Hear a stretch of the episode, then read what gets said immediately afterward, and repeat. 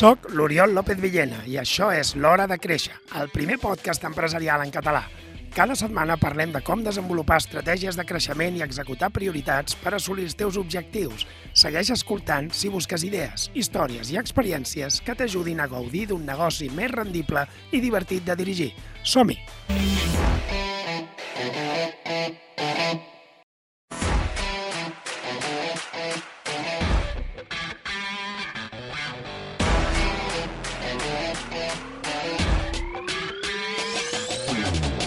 Parlem d'empresa, parlem de números, de xifres, de persones. Oriol, molt bon dia.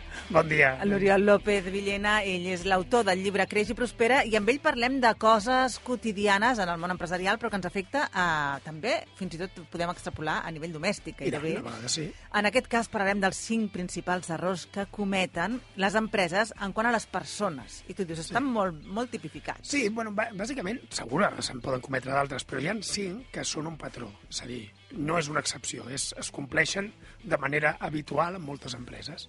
I, i són alguns, com per exemple, substituir ineficiències en persones, no? Aquesta cantarella o queixa actual de no, em falta gent, jo la primera pregunta que els hi faig sempre és segur que et falta gent?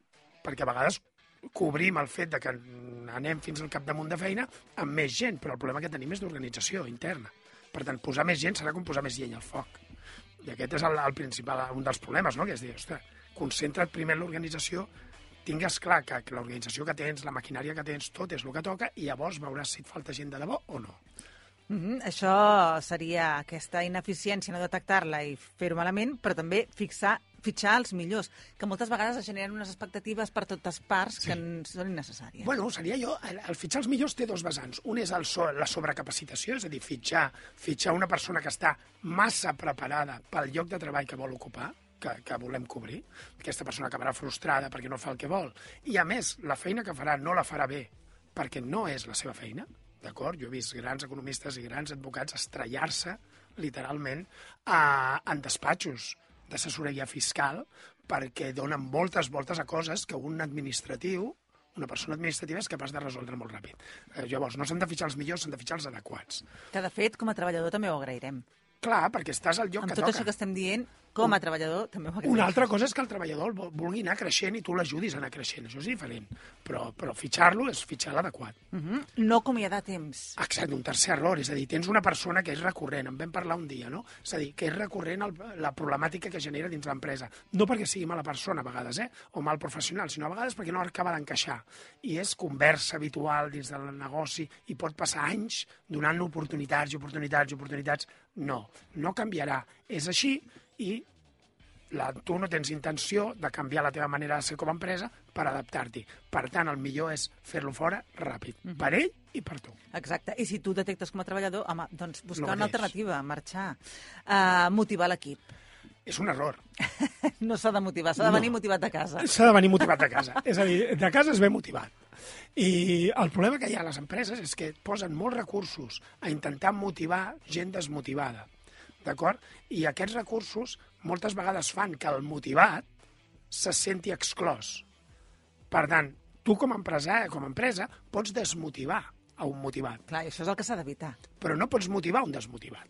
Ni amb diners, ni amb noves feines, ni amb històries. Un desmotivat està desmotivat. Si li pagues més, serà un desmotivat més ric. I ja està. Vale? Per tant, aquest error evi- eviteu cometre'l. És a dir, eh, concentreu els esforços en crear un entorn on els motivats disfruten i creixen. I ja veureu com alguns dels desmotivats potser no eren desmotivats com pensàvem, sinó que eren motivats que s'havien acabat desmotivant. I, per tant, tornaran a estar com estaven. I, finalment, confondre causa i efecte. Sí, és a dir, massa sovint intentem actuar sobre la conseqüència, sobre el resultat. És a dir, el resultat és el, el resultat financer, per exemple, no? I, i, i quan preguntes a les empreses què, què controlen de manera habitual, de manera regular, cada mes, al, al final no és ni la satisfacció dels clients, ni les relacions amb clients claus, ni la motivació o implicació de l'equip, ni la col·laboració interna. És quan hem guanyat. Clar, això és una conseqüència.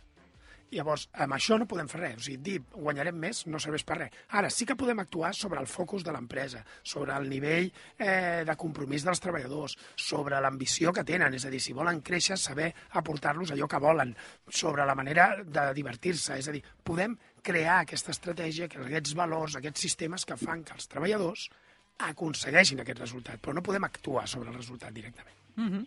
Doncs aquí aquests cinc errors que cometen les empreses en quant a les persones.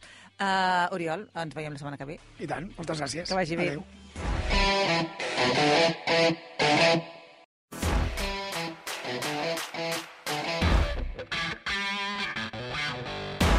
Gràcies per acompanyar-me en aquest episodi de l'Hora de Créixer. Si t'ha agradat, ja saps què has de fer. Escriu una ressenya, comparteix-ho amb algú i uneix-te a la comunitat de les empreses proactives. Gràcies per escoltar-me i recorda, l'acció és qüestió de prioritats.